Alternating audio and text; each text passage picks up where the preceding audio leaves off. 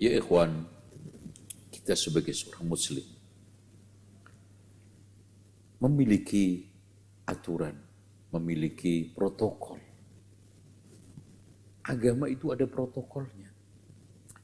Covid aja ada protokolnya yang harus kita taati. Minimal 3M. Ya. Masa sekarang agama nggak ada protokolnya?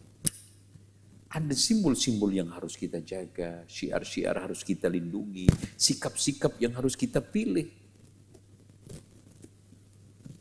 Makanya Rasulullah Shallallahu Alaihi Wasallam ketika diangkat untuk menjadi apa namanya nabi diberikan peringatan oleh Allah farrujza fahjur. Wasiyabaka fatahhir. Warrujza fahjur apa itu makna, maknanya warrujza fahjur berhala-berhala dan tempat penyembahan itu antum hindari. Makanya ketika pada zaman Rasulullah SAW ada seorang yang ingin bernazar di daerah Buana. Rasulullah SAW menanyakan, apakah di sana pernah ditempati penyembahan berhala? Tidak ya Rasulullah.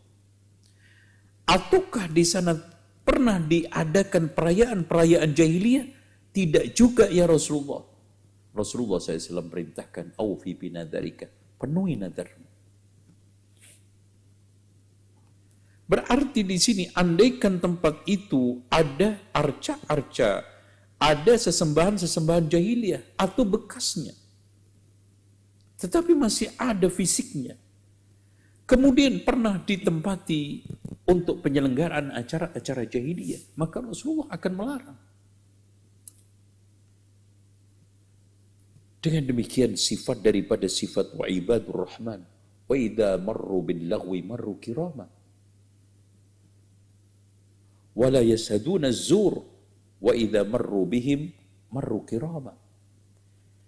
Jadi hadirin sekalian, ikhwah yang dirahmati oleh Allah Subhanahu wa taala, itulah sikap, itu protokol di dalam agama yang harus kita jalankan.